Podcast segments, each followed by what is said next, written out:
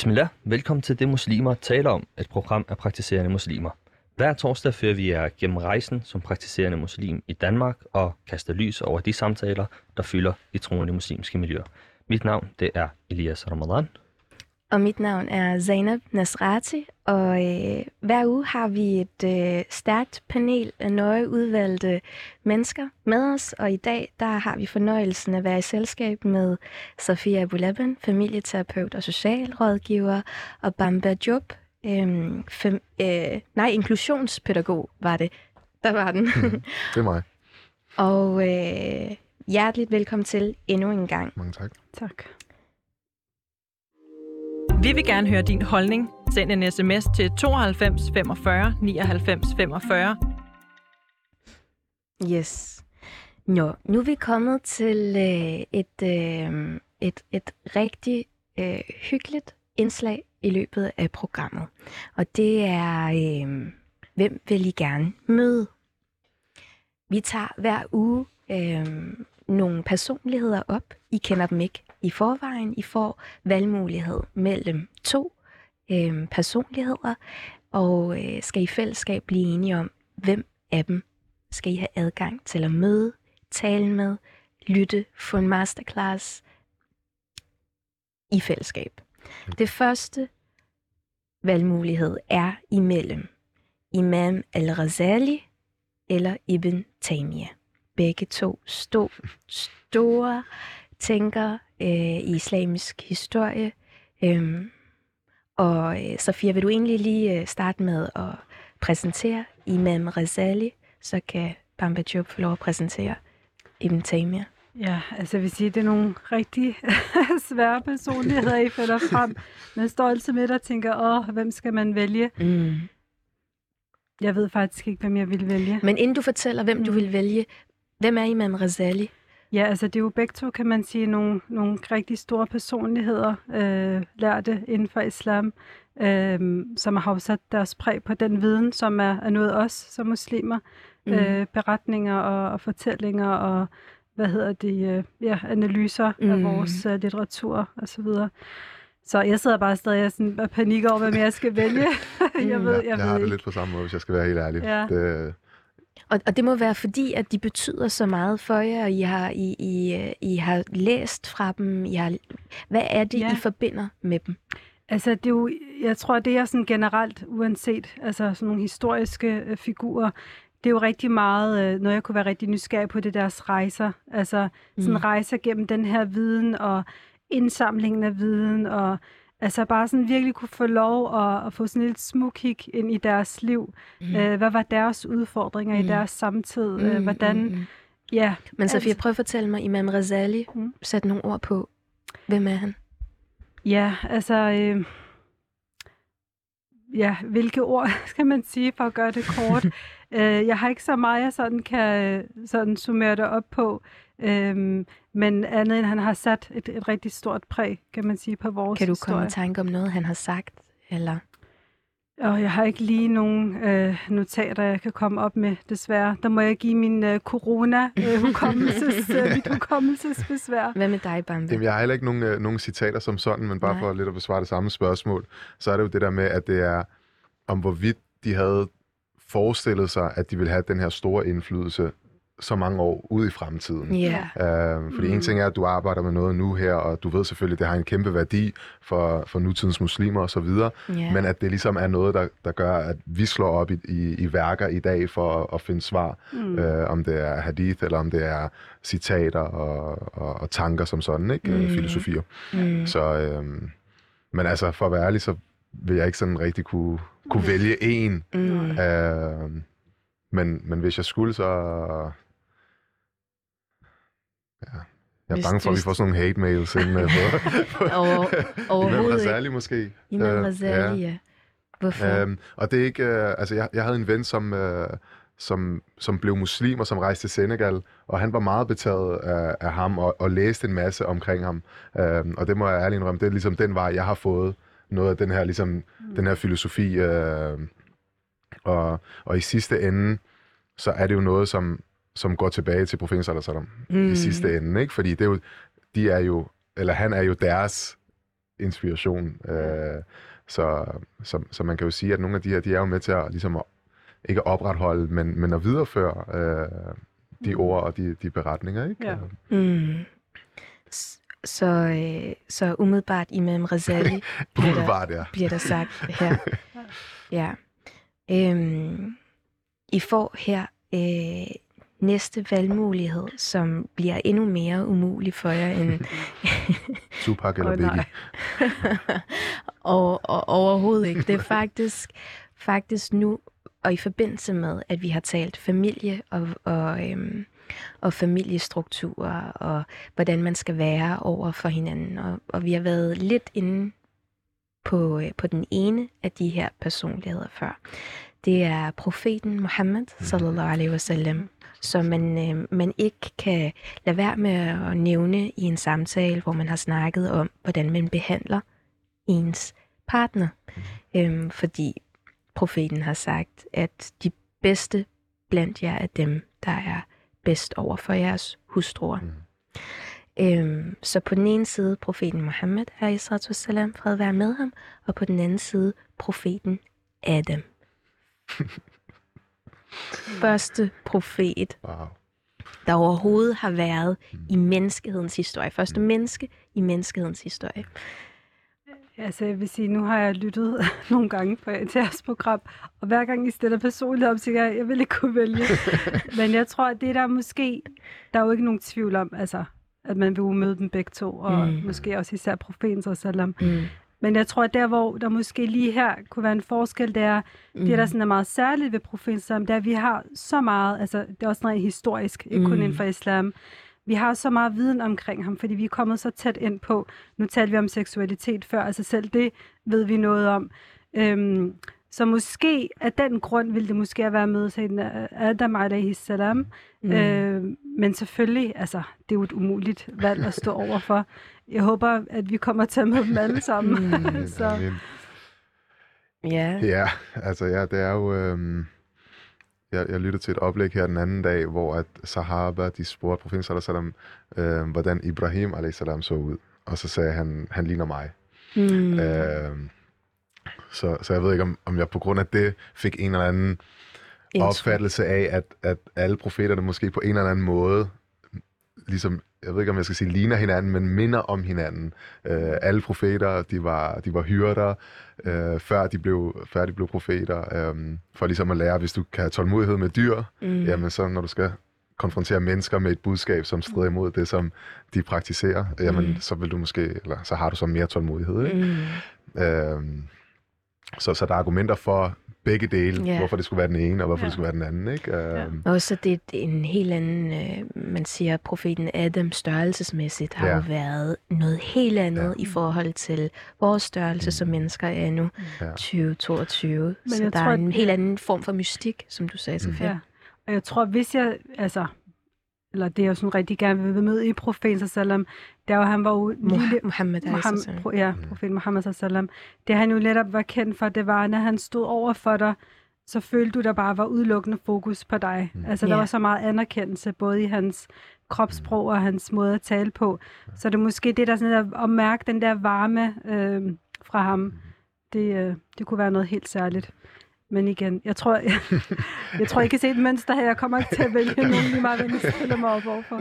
Så kigger vi på Bambi. ja, jamen jeg, jeg går med Mohammed sallallahu alaihi wasallam. Ej, så så Ja. fred være med ham. Fantastisk. Jeg har bare lige en hurtig indskydelse, bare lige apropos det, du sagde med, fordi jeg arbejder med børn, og, Ja. og en af de ting, som jeg har taget med fra profetens sunnah, det er det der med, at når du er med et barn, så skal det barn føle, at jeg er det barn, som Bamber bedst kan lide. Ja. Du ved ikke, altså det er den, det er ligesom den filosofi, jeg har, ikke? Øhm, Mm. fordi alle sahaba havde det, altså sådan, de kunne nærmest blive uvenner over, jamen han elsker mig mest. Ja, og så, alle nej, han elsker mig mest, ikke? Ja, lige, lige præcis, ikke?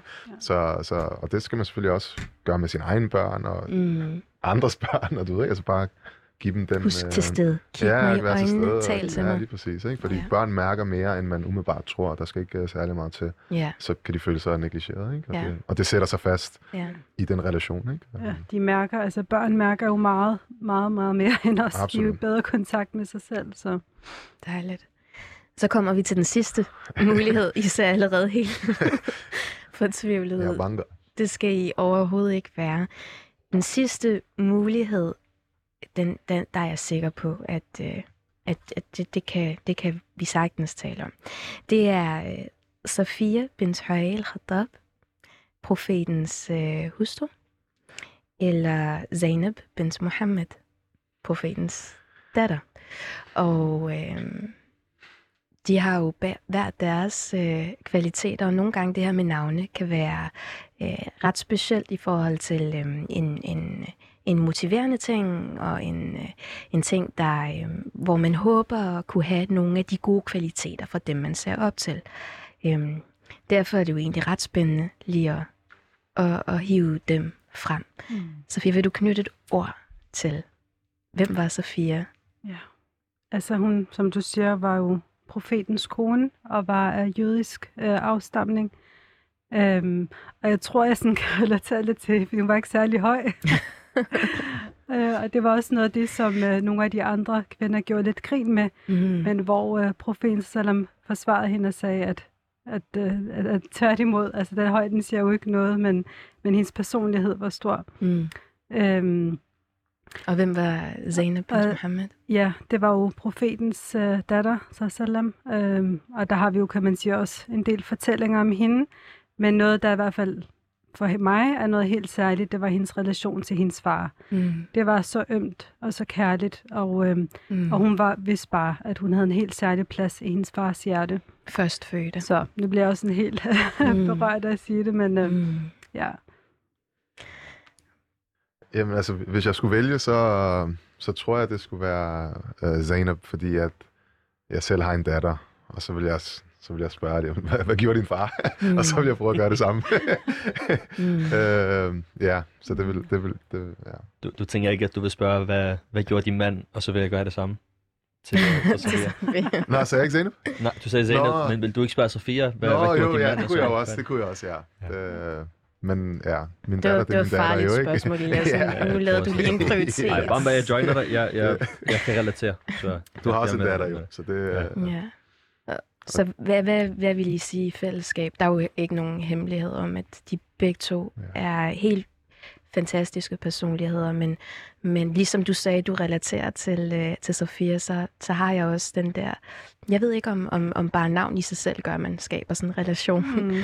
men, øh, men, men netop hendes relation til hendes far, og mm. den dedikation der, ja. betyder også meget for mig, ja. Øh, ja, jeg tror ikke, jeg kommer til at vælge, men... Overhovedet i dag, det kan ikke Ej, Men jeg vil sige, jeg vil rigtig gerne lære hende bedre at kende, fordi jeg har i hvert fald ikke læst øh, øh, Sofia. Okay så mange fortællinger om hende, men man kan sige, det er sådan lidt tættere om hjertet om, øh, med Zainab, fordi jeg selv har så et stort savn til min far, så, yeah. øh, så jeg tror, du, ja, det måske Men være det, der vægter der. Ja. ja. Så blev vi faktisk enige. Så blev vi enige ja, alligevel. Godt arbejde. Godt arbejde. Tusind tak mm. til jer. Øhm, vi, øh, jeg, jeg, jeg, jeg tænker, vi tager Imam Razali og Ibn Taymiyyah en gang til mm. ved øh, næste lejlighed øhm, inshallah, fordi de, øh, de, de fortjener også bare mm. så mange ord med på vejen. Men for nu var det, var det quizzen, og øh, øh, I har valgt øh, et, et, et stærkt hold ja. og, og møde.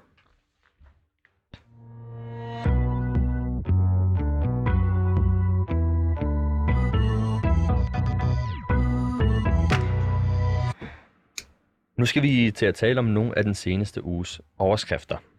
Øhm, den første overskrift omhandler en femårig dreng fra Marokko ved navn Rayan. Den 1. februar faldt øh, femårige Rayan ned i en 32 meter dyb og 30 til, eller 20 til 30 bred øh, centimeter bred øh, brønd. Øh, han sad fast i fem dage, uden, øh, og mens verden fulgte med, og vi fulgte alt med håbfuldt, mens et redningshold forsøgte at redde Rayan. Um, en slange med vand og en slange med ild blev sendt ned til Rajan ned af den 32 meter dybe øh, brønd. De første par dage var der tegn på liv, men hans tilstand blev værre og værre, øh, og det blev mere og mere tvivl, tvivlsomt, om, øh, om han overhovedet var i live. Øh, man fik Rajan ud af brønden efter fem dage ved at krave ind fra siden, øh, og hele verden fejrede og jublede på Twitter og på sociale medier og i nyheder. Øh, I få minutter hvorefter at øh, de marokkanske myndigheder kunne, kunne melde, at Rayan var bortgået, var afgået. Øhm, det, er en, det er en meget tragisk nyhed, som jeg personligt fulgte i 8 timer på Al Jazeera arabisk fra kl. 15 til kl. 23 i, øh, i lørdags, hvor der hverken blev gået til reklamer eller vist andre nyheder end live-videoer og interviews øh, fra udredningen af Arayan. Og der undrede jeg mig lidt over, da jeg, da jeg så den her nyhed i bagspejlet, så undrede jeg mig lidt over, at vi til daglig kan læse om, om naturkatastrofer, om krig og corona-relateret død og lignende, uden at man egentlig bliver rørt. Men, øh, men historien om Rajan har ramt millioner verden over. Så jeg tænker, at vi, vi måske skal snakke om, øhm, hvorfor er det, vi nogle gange bliver rørt, og andre gange så, så sker der ikke noget, som om, at vores hjerter næsten bliver immun over for det. Øhm, så Bamba, hvorfor tror du, at den her, den her nyhed har gjort øh, så stort et indtryk i forhold til, til andre nyheder? Jamen altså, først og fremmest så er det, så er det selvfølgelig tragisk, at, at, at sådan en lille dreng, han øh, falder ned i sådan i en kløft og afgår ved døden. Um, og vi laver selvfølgelig dua for, at, uh, at mm. han er i Jannah. Mm. Inshallah. Og dua til lytterne, og Jannah, det er bønden, og ja. Jannah paradiset. Lige præcis. Um, så det vil jeg bare lige starte med at sige. Um, og så, så tror jeg, altså for at være helt ærlig, som jeg lige sagde i pausen der, så har jeg ikke selv nogen sociale medier, så jeg vidste faktisk ikke, at det der var sket. Mm. Um, men min kone, hun fortalte mig, at, uh, og spurgte mig, hvad har du hørt om ham, den marokkanske dreng? Um, og mit første svar til hende var faktisk, og det var ikke for at være kynisk eller noget, der sagde jeg bare, har du hørt om hende den syvårige irakiske pige? Og så siger mm. hun, hvem er det? Så siger jeg, det ved jeg ikke, men der er sikkert også sket noget med, med hende. Mm. Um, så, så jeg tror, at, uh, at måske en af grundene til, at, at det blev så stort, det er måske fordi, det var noget, der kunne stå i et hashtag, eller noget, der kunne de rigtige mennesker delte det, og så, og så sprede nyheden så. Mm. Og så er det noget, som måske nyhedskanalerne også bliver tvunget til på en eller anden måde at, øh, at fordybe sig i. Øh, som du selv siger, at du stod eller sad og så det i otte timer, uden, mm. uden at de gik til reklamer, ikke? Så jeg ved ikke, om det er fordi, at ja, altså om de føler et pres for, at de skal dække det, fordi at der er millioner, der følger mm. øh, på Insta eller Twitter. Ja, det, trendede på Twitter. Det trendede, øh, ja, det trendede på Twitter. Men der, der gik nogle dage før, at, at medier faktisk reagerede på det. Ja, okay. Så altså, så, så igen, ja, et eller andet sted, så tror jeg også, det er en barmhjertighed, at vi ikke går i sorg over alle dårlige nyheder, vi lytter til, fordi så vil vi ikke mm. kunne hænge sammen. Uh, men jeg tror bestemt, at, at, at, at de sociale medier, de, har, de spiller ind, hvad angår, hvor, hvor meget hype der skal være omkring en, en vis sag, fordi der er jo sikkert sket masser af andre ting rundt omkring i verden, mm. som ikke har fået en brøkdel af, af opmærksomheden. Mm. Det her med, at man får et billede, et visuelt billede på barnet. Man kan se ansigtet, mm. man kan se, at han har et hovedtraume. Ja. Man kan se, hvad det er. Det gør os så utrolig meget at få et direkte afbillede af, hvad det er, der foregår. Det er helt sikkert med til at skabe den her ubalance i, hvad det er, vi rent faktisk beskæftiger os med. Fordi det ligger lige op mm. frontal cortex, ikke også i hovedet, at vi tænker, vi ser det for os. Mm. Ja, jeg er ikke overrasket over reaktionen, og jeg tænker, at øhm, det var jo netop fordi, der var noget spotlight. Og jeg tænker, vi som mm. mennesker, vi er jo empatiske, vi bliver påvirket af personlige fortællinger. Og jeg tror, vi har, jeg har sådan en gruppe, hvor øh, sådan en donergruppe, og der kan jeg mærke min egen reaktion, når jeg får sådan en personlig fortælling af en familie, mm. øh, hvordan, hvad de har gennemgået, hvor de er, bla, bla, end hvis man bare får at vide sådan meget øh, overordnet, en familie eller et barn. Så det er jo, kan man sige, en helt forventelig reaktion. Jeg læste selv her den, den 8. februar, øh, der skriver det er en artikel, hvor de skriver mindst 11 døde og 15 såret efter jordskred i Colombia. Mm. Og det fik mig direkte til at tænke på, jeg gik videre, altså der, der gik til, jeg åbnede ikke engang artiklen. Um, hvad, hvad tænker du, hvor, hvorfor tror du, at man så ikke reagerer på det? Bliver vi bare mindre empatiske med tiden, fordi vi bliver så overeksponeret, eller har det noget at gøre med, som du sagde, den måde, man, man øh, formulerer det? Ja, altså jeg tror, som, som der også blev sagt lige her før, det er jo, kan man sige, det er også begrænset, hvor meget vi kan tage ind. Altså nu har jeg selv vokset op i et hjem med, med Al Jazeera og, og Palæstina, og det var forfærdeligt det hele, men jeg kunne da ikke holde ud og se og høre på det hele tiden. Mm. Altså, så jeg tænker, vi har også øh, et, et maksimum for, hvad vi kan klare, men selvfølgelig, hvad er det ellers, der fylder i vores hjerter? Det tænker jeg også har en betydning. Altså, hvad fylder vi os selv med ud over øh, det her? Og der tænker jeg, at det er jo rigtig, øh, man kan sige, hvad vælger vi at bruge den historie til? Nu er vi blevet påvirket så meget. Øh, og det er jo rigtig godt, at det har været vores følelser og emotioner i gang. Men for mig skal vægten ikke kunne lægges på det, at jeg blev berørt, mm. men hvad tager jeg det videre med til? Hvad mm. bruger jeg, hvordan vælger jeg at bruge det her? Lige netop. Ja, der, der er, hvis man følger med i flygtningekrisen, eller ja, i krigen i Syrien osv., så ved man også godt, at der var ja, tusinder og er der tusinder af flygtninge, som mm. prøvede at komme til, til Europa og andre steder i mm. verden, i, i flugt fra, fra død og, øh, og ødelæggelse. Og øh, der, der blev det helt opsummeret i øh, Island Kurdi, som strandede på øh, kysten i, øh, i Grækenland. Og det blev et eller andet, på en eller anden måde øh, noget symbolsk. Også det, et visuelt billede igen. Ja. ja. Og så var der også et billede af, mindes han hed Omran, den lille dreng, der sad i en ambulance i Syrien, som lige var blevet reddet ud af nogle ruiner og så videre. Og, og det var også et meget symbolsk billede. Um, tror I, det her kunne være symbol for, for noget, der foregår et sted i verden, og hvad kunne det være et symbol for? Altså jeg tænker i hvert fald, for mig bliver det jo, det viser jo medier, hvor meget indflydelse de egentlig har. Mm. Fordi hvad vælger vi at sætte, sætte et spotlight på?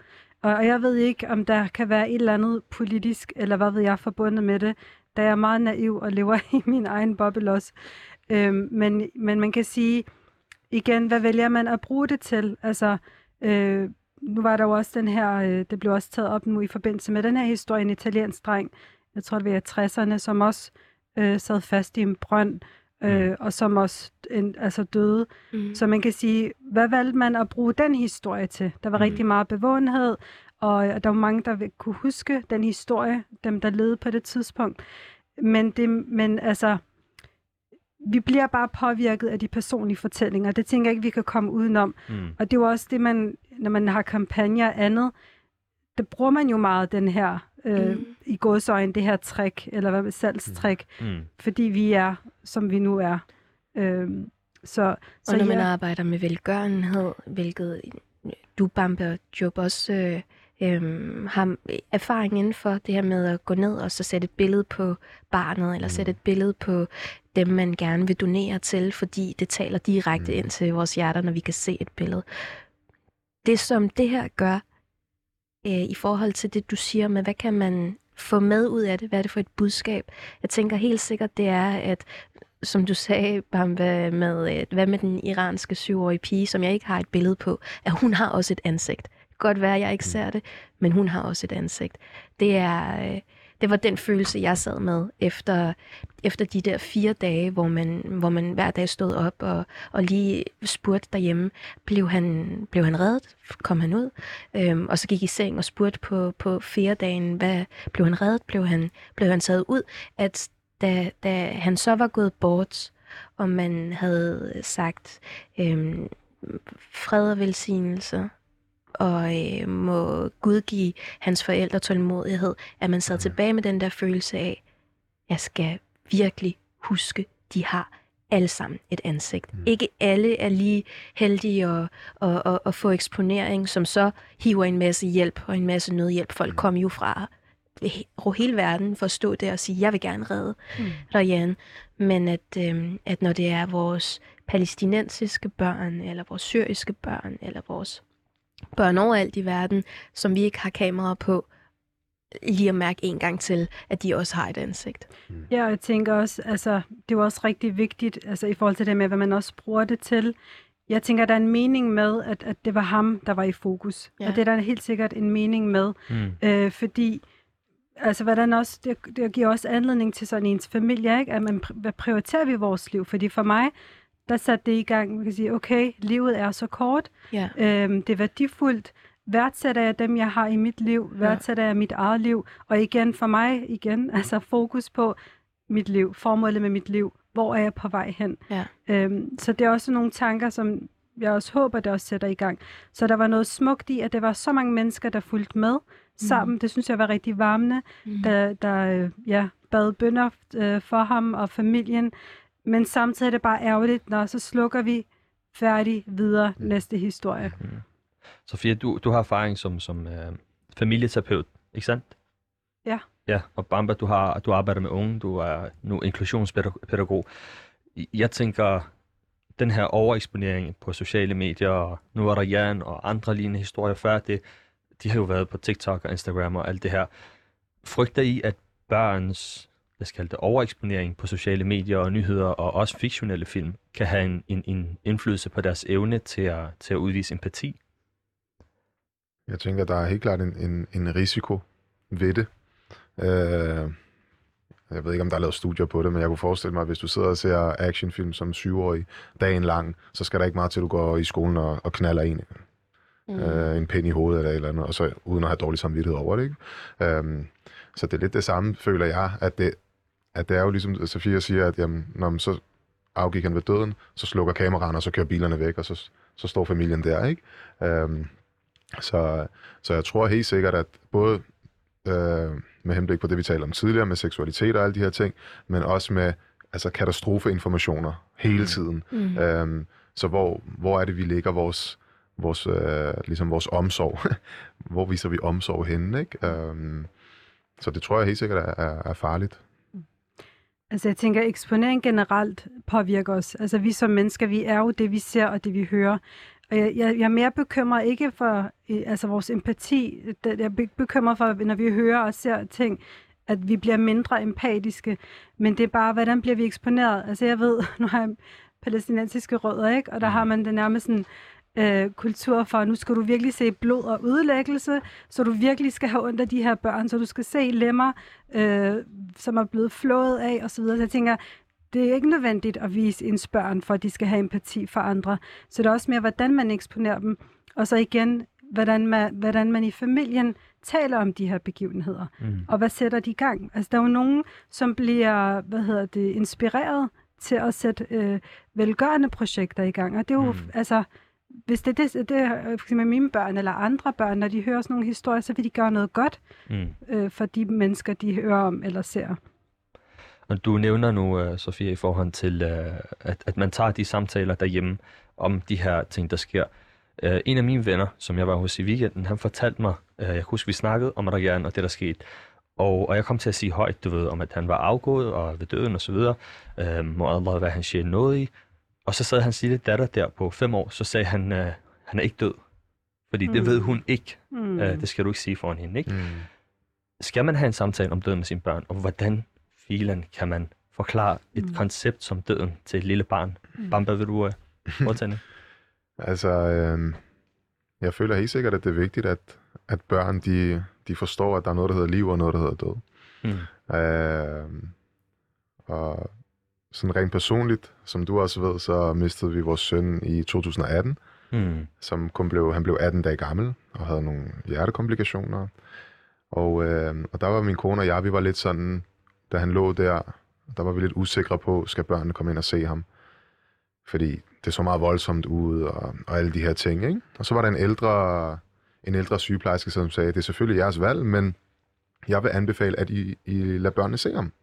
Mm. Fordi børn ser ikke det samme som voksne, og de laver ikke de samme koblinger osv., ikke? Og så blev vi enige øh, om, at de, at de skulle komme og besøge ham, ikke? Og, og som rigtig nok, som hun har sagt, så kom de ind, og de kiggede lidt til ham, og de kiggede på alle lamperne og mm. lysene og sådan noget. Og så, øh, mm.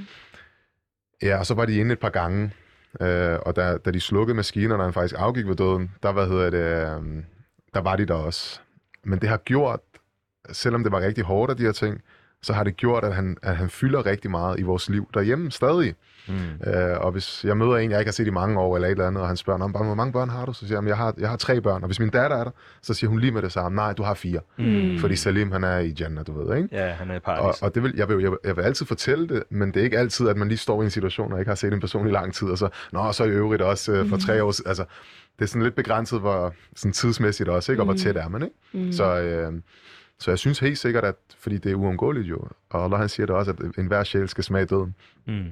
Så, så selvfølgelig synes jeg i hvert fald, at man skal tale om livet, man skal tale om døden, og hvor meget man skal sætte pris på livet, og, og hvad man skal gøre i livet, fordi at en dag, så er du her ikke længere. Mm. Og så er det dine gerninger, der vil, der vil stå tilbage. Ikke? Så, så jeg synes helt sikkert, at, øh, at det har været sundt for dem. Øh, og, og så kan det måske blive lidt sådan, som min søn han siger, han får lov at spille iPad, når han er hos sin mormor og det gør han ikke så meget derhjemme. Mm. Og så siger han så, jamen, øh, Barbara, når, når mormor dør, så, så tænker jeg, at jeg tager hendes iPad. og så, øh, så kan mamma tage parfumerne, og du ved ikke, altså, så, så, så på den måde, det, ikke, altså, han det, er bare, det er meget praktisk. Det er bare ja. meget praktisk, og, og, og, og det har bare vist sig, at at døden er ikke noget tabu, tabu hjemme hos os i hvert fald, og vi har et, et, et sådan en billedbog med billeder af Salim, og du ved, og så sidder vi og, og snakker om, om det og sådan noget, ikke? og de ved, at han ikke er her længere, men at mm. uh, han venter på at sige jannah, inshallah. Ikke? Så, så det, det har været sådan, og det er måske lidt af det der, den samtale, som vi snakker om med, med seksualitet og de der, at når det egentlig er sagt og gjort, jamen så, så er det bare en naturlig ting, og så, ja, så fortsætter livet bare, ikke? Mm. Ja, men det er ret så. interessant, ikke? Altså, man kunne spørge den forælder, hvad er det, du er bange for lige der? Altså, hvad er det, du er bange for, at, at din, dit barn, hvis du hører, at det er død, ikke? Så man, mm. men det er måske sådan at pakke børnene lidt ind, men som du siger, det er jo en helt naturlig ting. Altså, det er jo så naturligt, ligesom liv, så er død også, og det er jo selvfølgelig klart, at det er forskelligt, hvordan man taler alt efter aldersniveau, om mm. det er mm. nogen, der er tæt på, eller der er sådan andre. Men, øh, men jeg kan ikke se, hvad, hvad der skulle være et problem ved at snakke om det. Og i øvrigt, så fornemmer barnet sådan et tydeligt signal fra sine forældre, selvom han får et svar om, jamen, øh, nej, han er ikke død. Mm. Barnet vil fornemme, okay, der er et eller andet, hvorfor bliver far så bange lige nu og her? Øh, hvad er det, han prøver sådan, ikke? Så det vil forbinde det også med noget behageligt. Så man kan sige, at den erfaring overfører man videre til sit barn. Mm, den energi, man giver. Ja. ja. Ja, fordi børn er jo så stærk, altså de, de fornemmer stemninger så stærkt. Mm. Så de vil fornemme, der er et eller andet her, som ikke er, som det skal være, ikke? Og så bliver det en eller anden, endnu en erfaring, som, bliver, som sætter sig. Tak for, for at dele, og tak for visdomsfulde ord. Det bliver de sidste ord for, for det her, den her overskrift.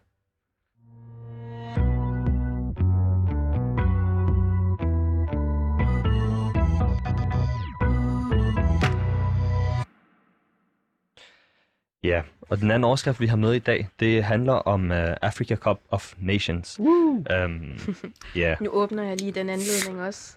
Numba. Den her Numba, som vores gæst Bamba Job har taget med, har taget det er med østafrikansk iste. Det er det... super lækkert. Hibiskus og ingefær med brus. Tusind tak for, er... for den. Jeg håber, alle kunne Høj høre, kvalitet. hvor dejligt det lige lød. Ja, og hvis min datter hører med, så bliver hun meget jaloux. Nå, hun, hun, hun jeg kender tror, jeg tager den med hjem til ja, hende. Det, det skal du gøre, helt sikkert. Ja, og Africa Cup of Nations er jo uh, Afrikas mesterskaber i, uh, i fodbold. Og i, uh, i søndags, den, uh, den 6. februar, der blev finalekampen spillet mellem, mellem hvem, Bamba? Du står og jubler allerede. Kom nu. Ægypten og Senegal. Yeah. Mohamed Salah og uh, Sadio Mane, yeah. som begge to spiller i Liverpool. Yeah. Så der var sådan en... Uh, Salah han spiller højre kant, Mane han spiller venstre kant. Senegal ligger i vest, Ægypten ligger i øst, øst så det var bare den for, perfekte fortælling. Det var sådan et helt billede, ja, det var kunstværk to løver. På, på scenen. Ja, og det, det endte jo med en straffesparkskonkurrence, hvor, hvor Sadio Mane for Senegal tog det ja. sidste spark, og, og så gik Senegal med sejren. Så, ja, og så gik, så gik landet amok. De har ja. aldrig vundet den før. Nej, Jeg tror, Ægypten har vundet den syv gange. Så okay. det var sådan, hvis Ægypten havde vundet, havde det bare været det der her, vi putter den bare i skabet til de andre, men Senegal, det var virkelig... Velfortjent. Ja, det var virkelig... Og Bamba, du er jo fodboldentusiasten. ja. Og, og jeg, jeg, jeg tog direkte ind på, på de sociale medier. Jeg postede selv det sidste spark, og tænkte, Sadio Mane vandt. Det er ikke nogen hemmelighed, jeg holdt med Senegal. Men øhm, hvad hedder det? Jeg så bare rigtig mange grimme reaktioner. Altså folk, der, dommeren var det ene og det andet, og det var ham, der skyld, og så sviner man sin egen spiller til, og det ja, andet hold til. og der tænker vi, vi skulle snakke om her, om, om hvilken effekt sport kan have på os, både som individer, men også, også i fællesskab. Hmm. Hvad, tænker du om det? Du er også en del af, de diskussioner, vel? Det bliver Helt også sikkert. hektisk. Helt sikkert. Altså, jeg vil sige, at jeg er fodboldentusiast, men det er lidt mere på det der sådan spilleniveau. Altså, jeg elsker at spille. Mm. Jeg kan også godt lide at se fodbold, men jeg holder ikke med nogen som sådan. uh, jeg har nogle kammerater, som er Barcelona-fan, uh, eller Barcelona-fans, og der kan jeg godt nogle gange finde på at ligesom sige, at jeg holder med Real Madrid, bare for at starte en diskussion, ikke? fordi de virkelig, mm. de lever Barcelona. Ikke? Så, så, så på den måde, så kan det godt gå hen og blive lidt negativt, men samtidig så er jo sport også noget, der forener folk, og det er noget, der skaber glæde, mm. øh, hvis det dyrkes på den rigtige måde, så at sige, ikke? Men den sunde måde. Ik- ikke nogen hooligan, hooligans Nej, altså det er jo en anden, men det er jo, det er jo folk, der går ind i det, for, som egentlig har en bagtanke, mm. som er slås for eksempel. Ikke? Øh, så, så, så ja, respekt for dem, der elsker sporten mm. og, og dyrker det på, på en, en fornuftig og sund måde. Sofia, hvad er dine, øh, din, dine erfaringer med, med den her form for hektiske diskussioner om sport? Og... Sofia altså, sagde til mig i går. Som du kan se på mit udtryk, så er jeg totalt ikke på hjemmebane her. Ej, men det jeg kom til at tænke på, du siger med en sund og usund måde. Jeg, jeg, kom, jeg fik sådan et billede af, min bror havde været øh, overbesøg i familien, og havde sin ven med. Øh, og jeg har øh, min mors onkler, som er meget sådan, ja, fodboldfans, mildt sagt. Og der var det Syrien og Jordan, der skulle spille. Ja. Øh, og min familie er fra Syrien, øh, og så sidder min øh, uskyldige søde mormor øh, med sit strikketøj, øh, og de alle sammen hæpper jo på Syrien. Og så siger hun så, at hun, øh, hun er på Jordans side, fordi det følte hun, at hun skyldte dem, fordi mm. hun boede i deres land. meget, meget sødt. Og så fik hun så et ordentligt møgfald tilbage. Så det var sådan meget, øh, det var meget voldsomt, den måde, de fulgte øh, kampen på. Mm. Hvor jeg tror, min uh, bror blev lidt pinligt berørt i forhold til at have sin uh, ven med. Så jeg har ikke så meget erfaring herfra med det. Skal vi ikke knytte et ord til det her med, kan man være fan-fan og muslim, praktiserende muslim mm. samtidig? Fordi Øh, ja, hvad er der lige med det? Og grunden til, at vi, vi smiler lidt over det, så ved min far i sin voksen alder her, min far har spillet professionelt fodbold, og øh, i dag der siger han altid, jeg ser bare for teknik, og du ved, jeg holder med dem, der vinder, og dem, der er gode. Men han sidder på yderste hmm. del af sofaen, hver gang der spilles en kamp alligevel. Hvad er det for nogle tanker, man gør sig som praktiserende muslim i forhold til også at være helt med hjerte og blod og sjæl i fodbolden? Altså, jeg, jeg vil sige, at, at det, er en, det er en svær ting at forklare, fordi der sker et eller andet inde i, inde i kroppen, som, som gør, at selv hvis jeg ser replay af en UFC-kamp eller en fodboldkamp, som jeg ved, hvad resultatet bliver, mm. så er jeg alligevel i, stem, i stemningen. Og, ja. Jeg ved, der, der kommer et mål om lidt, men alligevel så, så glæder man sig på en eller anden måde. Mm. Det kan godt lyde helt... Øh, helt godnat for dem, der ikke rigtig er dyrker eller, eller ser øh, sport på den måde. Men, men, jeg, men, jeg, men jeg tror godt, at man kan være ligesom en, en praktiserende muslim, og så stadig være fodboldentusiast og fodboldfan. Men som jeg sagde før, det skal være på en sund måde. Øh, og ligesom med alt, så skal, så skal alt have deres hak. Det vil mm, sige, altså, sin ret. Ja, sin ret lige præcis. Det vil sige, mm. du skal ikke... Så alt med måde. Hvis det, bliver, hvis det går ind til bøn, jamen, så skal du ikke tænke, okay, nej, men der er lige anden halvleg i Champions League. Mm. Du ved, du, så så længe du opfylder dine andre ting, som mm. du skal. Du går og beder, og så i din bøn, så beder du og så laver du dig til, at... Øh, du ved, øhm, men det, der så også skal ske, det er, som er også lidt en uheldig tendens, det er alt det her med gambling, mm. som faktisk også er forbundet med, med, med sport. Og det ser jeg specielt med, med unge i 13-14 års alderen starter det, at man begynder at otte rigtig meget på, på resultater og sådan noget. Ikke? Så, mm. så på den måde, så er der også en, en bagside, af, med, bagside af medaljen, i og med, at når du sidder og ser fodbold, så i halvlejen, så kommer der måske 8-9 reklamer, mm. eller 10 reklamer, som handler om enten at låne penge, eller at gamble. Mm. Og det er jo klart, det er jo bare god marketing. Altså. Mm. Men, men for den uskyldige 14-årige, 15-årige, så kan det være så kan det være svært, og man kan hurtigt ryge ind i den Ja, øh, fordi jeg tænker, der er ikke noget i vejen for, at man har en passion for noget, om det er sport ja. eller andet, ikke? men som du siger, med balancen. Men jeg tænker, der er vel også forskel på dem, der udøver, altså sportsudøverne og tilskuerne, mm. hvor jeg hører, nu er det ikke specifikt med fodbold, men der kan være den der præstations, mm. øh, det der præstationspres, og ens identitet er koblet direkte til det, man udøver i en sport. Ja. Og der hører man jo også ofte om øh, dem, der trækker sig, at de føler, at sådan, det bliver lidt tomt, altså fordi de ikke føler, at deres svær eller sådan længere, eller hvad er deres plads, eller hvad er deres mission. Mm. Så jeg tænker alt med... Men i forhold til det, Bamba svarede på med, øh, med, for, med islamisk og hvor går grænsen, en sidste ting, man kan knytte på den er også, at øh, man nogle gange kommer til at forgude et, mm. øh, et, et, et hold. Øhm, og, og, og, en, og en endnu værre ting, synes jeg i hvert fald, det er, at den her nationalisme, ja. fordi mm. i islam er der ikke plads til nationalisme jo, men, men man får jo alligevel en eller anden form for sådan identitets, identitets altså, ja, ja. lige præcis, ikke? Så, så, så, så man kan sige, det var også fint nok, at jeg kommer fra Senegal, Senegal vandt, jeg blev glad. Mm. Jeg blev nok gladere, end hvis Ægypten havde vundet, men hvis Ægypten havde vundet, så alhamdulillah, du ved, det er ikke fordi... det var Senegal, hvis det var Ægypten mod... Ja, også, også nogle andre, så havde jeg bare fulgt med i kampen, og så vil jeg bare sige, mm. sidste ende, du ved, vi tror på, at Allah han har skrevet alt, så for mig så betyder det ikke noget, hvem der, ja. hvem der vinder i sidste ende. Sofia, hun nævnte noget med, med at, øh, var det din øh, mormor eller farmor? Mm, mormor. Mormor, ja. som følte, at hun skulle sympatisere med det land, mm. som, som hun bor i. Mm. Øh, det er jo meget relaterbart for, for Danmark, men det gælder også, øh, for mig i hvert fald, i forhold til, til religion, når jeg ser muslimsk fodboldspiller, så føler jeg også, at jeg ser mig selv mere i ham. Er det, er det noget, du kan relatere til, Bomme? Absolut absolut. Altså, og, og, og, jeg, og jeg fornemmer også, at i de islamiske miljøer, at der er en, en, en rigtig stor respekt for de muslimer, som spiller fodbold, men samtidig repræsenterer islam på en, på en Mm. rigtig god måde. Og der er Mohamed Salah og Sadio Mane, som begge to spiller i Liverpool, Mm. og spiller mod hinanden i finalen, de er, de er rigtig gode eksempler på det, begge to. Mm. Og jeg har jo taget en lille, lille lydbid med, og så vil jeg gerne høre en sidste afsluttende bemærkning fra dig, Bamba, om Mm. hvad du tænker, når du hører det. Det er Liverpool-fans, som synger sange for Mohamed Salah, øh, fodboldspilleren for, for Liverpool, øhm, som, som vi skal høre her. Og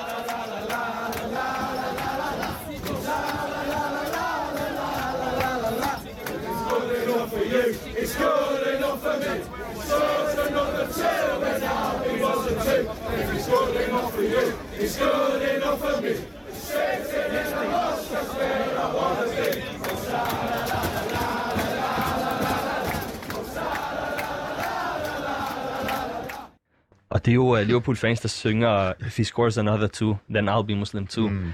He's sitting in the mosque, that's where I want to be. Han Ja. sidder i moskeen, det er der, jeg gerne vil være. Ja. Altså, det er jo, det er jo Det er jo, de fleste ikke muslimske fans. men det er det, jeg mener med, at det er rigtig god dawa. Altså, dawa forstået på den måde, at man, man, Man oplyser om man islam, oplyser men- om islam, og, og hvad hedder det, og der er de jo fremragende eksempler begge to. Øhm, jeg læste et sted, i en, jeg kan ikke huske en fodboldartikel, at, øh, at islamofobien i Liverpool er faldet markant, Mm. øh, efter at både Sadio Mane og Salah, de, øh, de har været med til at skabe rigtig meget succes. De har vundet Champions League, de øh, har vundet Premier League, og så videre, Mm. og så videre, ikke? Øhm, så, så det, at de for eksempel går i sujud, og så det der, når du beder og går ned og, og sætter panden på Mm. græsset, Mm. at det er blevet en, en, øh, en, en normal ting at gøre. Altså, Det er blevet en jubelscene. det er blevet en jubelscene både i FIFA, så man kan spille på Playstation, men også at en ung dreng som Mohamed Darami for eksempel, som, som spillede i FCK og nu spiller i Ajax, altså da han lavede mål, jamen der, der lavede han også sujud. Og det er jo klart, at, at det, det åbner døren, at der er nogen, som er på øverste hylde, som gør Mm. noget, og det åbner så døren for, for resten.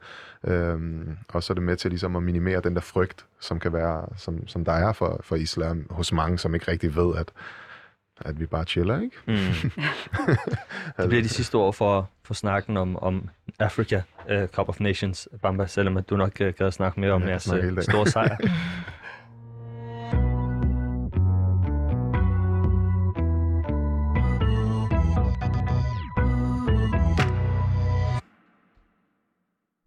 Og velkommen tilbage i studiet. Vi er i øh, det, muslimer taler om, og med os i dag har vi Safia Abuleben, familieterapeut og socialrådgiver, og Bamba Job, inklusionspædagog og fodboldentusiast. yep.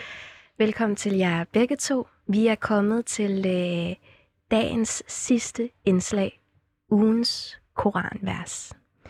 Og øh, jeg spurgte øh, Safia i forhold til at øh, vælge en, øh, en recitator. Øhm, og i, i dag også øhm, egentlig det vers, vi skulle høre. Og øhm, inden vi øh, afspiller verset, Øhm, recitatoren hedder Ahmed An-Nufais. Sofia, hvorfor øh, var det ham, du valgte? Ja, altså, jeg har hørt, I sådan tit spørger, hvem ens yndlingsrecitator er, og det er faktisk ikke ham. Altså, jeg lytter mest til Al-Ramidi, men jeg har bare, der er nogle vers, som jeg godt sådan kan lide at lytte til af forskellige recitatorer. Men jeg føler bare, at der er så meget sådan sjæl øh, i det vers, som, øh, som ramte mig. Mm. Mm. Så jeg synes, det var rigtig smukt, den måde, han reciterede det på. Lad os prøve at høre det en gang. لا يكلف الله نفسا الا وسعها لها ما كسبت وعليها ما اكتسبت. ربنا لا تؤاخذنا إن نسينا أو أخطأنا.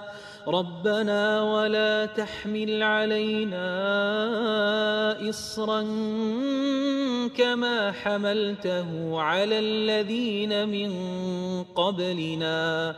ربنا ولا تحملنا ما لا طاقة لنا به. واعف عنا واغفر لنا وارحمنا.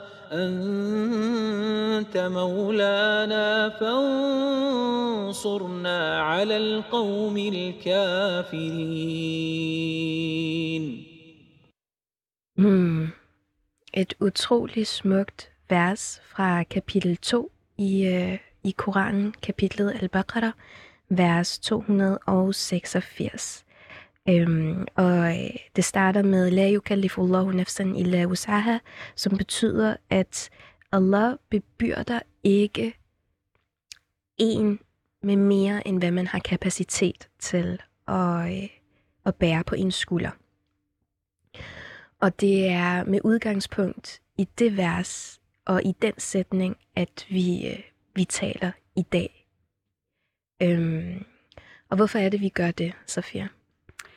Ja, altså øh, man kan sige, det der er særligt ved det her vers, det er jo, at øh, profeten har lært os at, at sige det hver dag. Mm. Øhm, så for mig, når man sidder der sidst på aftenen, eller inden man skal sove, og recitere det, øh, og lige blive påmindet om, uanset hvad man har været igennem, øh, og vi alle sammen kæmper med noget hele tiden, mm. øh, at så, så har jeg fået en garanti for Gud om, det er faktisk noget, jeg godt kan bære. Mm. Og han ved, hvad der er mit potentiale, og han ved, hvad der er min kapacitet. Øh, så det er ligesom en garanti. Og det er jo, kan man sige, lidt længere ned, der siger han jo så også, eller det er jo en bøn, som vi siger, wa la tuhammilna ma la taqata lana bih. Altså vi faktisk beder Gud om ikke at lægge på os mere, end vi kan bære. Mm. Men at det først kommer senere, men hvor han siger, at jeg har opfyldt det for dig. Jeg har altid allerede garanteret det for dig. Og lige inden det, der bliver der sagt, Rabbana la tu'akhidna in nasina aw akhtana, som betyder, øhm, Gud, øh, hvis vi glemmer, og hvis vi tager fejl, så ikke have det på os. Altså, ja. og, og at vi netop skal sige det hver aften, mm. er også øh, øh, et tegn på den her glemsomhed, som vi som mennesker har, og at, øh, at, at i repetitionen, i gentagelserne, mm. i, i vores bøn, som vi også laver flere gange om dagen, øh, der siger vi ting, som vi har sagt før, men fordi det er i vores menneskes natur at glemme, ligger der den her opfordring til at gøre det igen. Gør det hver aften. Gør det ja. flere gange om dagen. Øhm, og den der erkendelse af, Rabbana la tu'akhidna inna sina wa akhtana, fordi vi kommer til at glemme. Vi kommer til at nasi og glemme, og khata, det vil sige at lave en fejl. Vi kommer til at glemme, vi kommer til at begå fejl. Hvis vi gør det, så ikke have det på os. Ja, jeg synes også, det er meget centralt, at det her vers gør, at vi egentlig har fokus på os selv. Fordi det her med, at jeg ved, at jeg har et potentiale, så skal jeg også stræbe på at udfylde det. Og det står meget sådan i kontrast til den verden, vi lever i nu, hvor det hele tiden er i relation til andre, at vi konkurrerer med andre, eller man vil gerne have noget, som andre har hele tiden. Men hvor det her bare sådan, nej, fokus i dig selv. Hvad er din, hvad er din øh, kapacitet? Hvad er dit potentiale?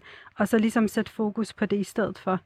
Øhm, og man kan sige, for mig, der får det mig også til at tænke på et andet vers, øh, hvor, hvad hedder det, hvor, øh, ja, i en, i en anden, øh, et andet kapitel, hvor Allah han siger, Allahu an yukhaffifa ankum, wa khuliqa al-insanu da'ifa. Mm. Altså Allah, han, Gud, han vil gerne, han vil lette jeres byrder, øh, og mennesket det er skabt svagt. Mm. Så en erkendelse af, jeg kunne, da jeg hørte det her vers, da jeg var yngre, jeg synes bare, det var, jeg fik sådan en helt dårlig fornemmelse af, jeg er svag.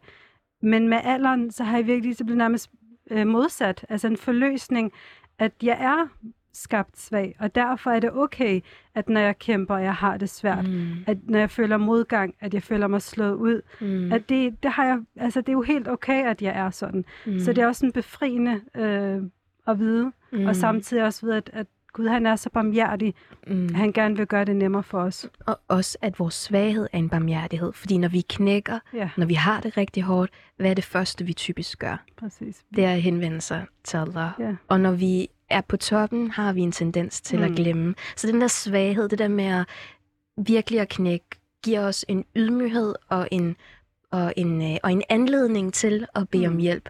Og det er en barmhjertighed. Ja, og man kan sige, i forlængelse af det, du siger, altså i psykologien, der siger man jo også, at når mennesket føler sig svagt, så er det der, der opbygger styrke. Mm. Og når vi føler os svage, så rækker vi ud efter noget stærkere end os.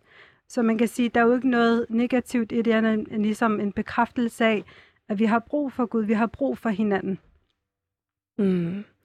Og øh, det er jo ikke nogen hemmelighed, at øh, da vi snakkede sammen i forhold til valg af, af, af det her vers, øh, at det også var tænkt som en, øh, en styrke og en støtte og øh, øh, noget, noget at, at, at bruge igennem hårde tider, for særligt dem, som har været voldsramte, fordi det har været dem, vi har snakket om tidligere.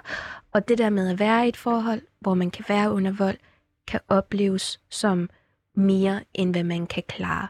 Noget, at man, man faktisk er i en situation, hvor man er overbebyrdet, mærker man, eller oplever man. Hvad, hvad har dine tanker været i forhold til at vælge det her vers som trøst i den forbindelse? Jeg har tænkt rigtig meget i relation til, at, som vi nævnte tidligere, at kvindens psyke bliver jo, øh, som en del af den her kontrollerede vold, så bliver hendes psyke nedbrudt. Så når hun på et tidspunkt kommer ud af volden, så er hun brudt ned og skal bygge sig selv lidt om, og hendes eget narrativ og selvfortælling osv. Og, øh, og der er jo så mange af de her kvinder, som jeg har snakket med, hvor jeg tænker, wow, hvordan kunne du klare det? Øh, og, i, og i kontrast til det billede, man kan have hende som et svagt og hjælpeløst menneske, så viser det sig, at hun faktisk har så mange ressourcer, at hun kunne gå igennem det.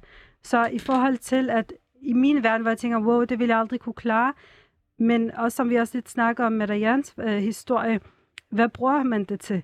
Altså mange af dem, der har kunne, altså det, bruger man det som sådan en katalysator for at sætte nogle andre, noget andet i gang for at hjælpe andre. Altså mange af de kvinder, som hjælper andre kvinder i den situation, de har typisk selv været udsat for det. Mm. Så der kommer bare endnu mere styrke ud af det. Øh, og det er jo klart, når man er midt i det, så tænker man, jeg kan ikke bære det her. Men bare det, at man står imod det, er jo en bekræftelse på, at man godt kan bære det. Mm. Bamba, kender du verset? Jeg kender godt verset, ja. Øhm, og det er lidt det samme, som, som Safia var inde på. Ikke? Altså mennesket, vi, vi oplever jo både opture og nedture. Øh, og så kom jeg til at tænke på en, øh, jeg tror det var en der, jeg lyttede til, eller en, en meme eller et eller andet, hvor, hvor der stod, if you only pray when you have a problem, then you have a problem. Men, men netop det der med, at når vi er nede, så er det jo der automatisk, at vi kigger, altså når flyder på vejen styrter, mm. så skal ja. vi nok alle sammen sige, Allahu Akbar, bare please, lad os, lad os, uh, lad os lande, og så skal jeg nok uh, gøre alt, hvad jeg kan. Ikke? Så, så, men jeg elsker, specielt når man læser sådan nogle vers, hvor Allah han ligesom lover noget. Mm. Efter hårdhed kommer lethed. Øh, mm. Allah han bebyrder ikke en person, eller en hver sjæl skal smage døden. Mange af de her ting, det, det personligt gør det, det sætter tingene sort-hvidt op. Jeg ved, og i perspektiv. Og i perspektiv, du ved, okay, fint nok, det er hårdt det her, men jeg ved, at det, det skal nok, efter det her skal der nok komme noget godt. Ja. Øhm, og det er også helt særligt, at lige præcis altså det her vers og det, der kommer efter eller før, de er de eneste vers, som er blevet åbenbaret i himlen, altså mm. da profeten var på sin rejse. Øhm, og det er jo fordi, at de fleste vers, ud over de her to, er åbenbaret med Jibril, ja, salam, det vil sige Gabriel, englen, som ja. mellemled. Og på jorden. Og det mm. her er de eneste to vers, som blev åbenbaret i himlen. Der tænker min forståelse af det, og min refleksion blev jo, så er der noget rigtig vigtigt, at Gud han prøver at fortælle os, Øh, og der er jo noget, kan man sige, der er sådan en varme barmhjertighed over det, mm. at det lige præcis skulle være de her to vers. Mm. Øh, og uden et mellemled, som du siger, der var øh, englen Gabriel et mellemled, og det var han ikke her. Mm. Og det øh, bliver en afsluttende bemærkning. Tusind tak, Sofia, og tusind tak, øh, Bamba, for jeres tilstedeværelse i dag, og for jeres guldkorn af inputs. Vi øh, er i det, muslimer taler om, og mit navn er Zainab Nasrati. Mit navn det er Elias Ramadan. Øh, du kan finde det, muslimer taler om hos din foretrukne podcasttjeneste. Øh, det her program var tilrettelagt af Asia Ahmed og programredaktør Omar Al-Khatib på Genhør.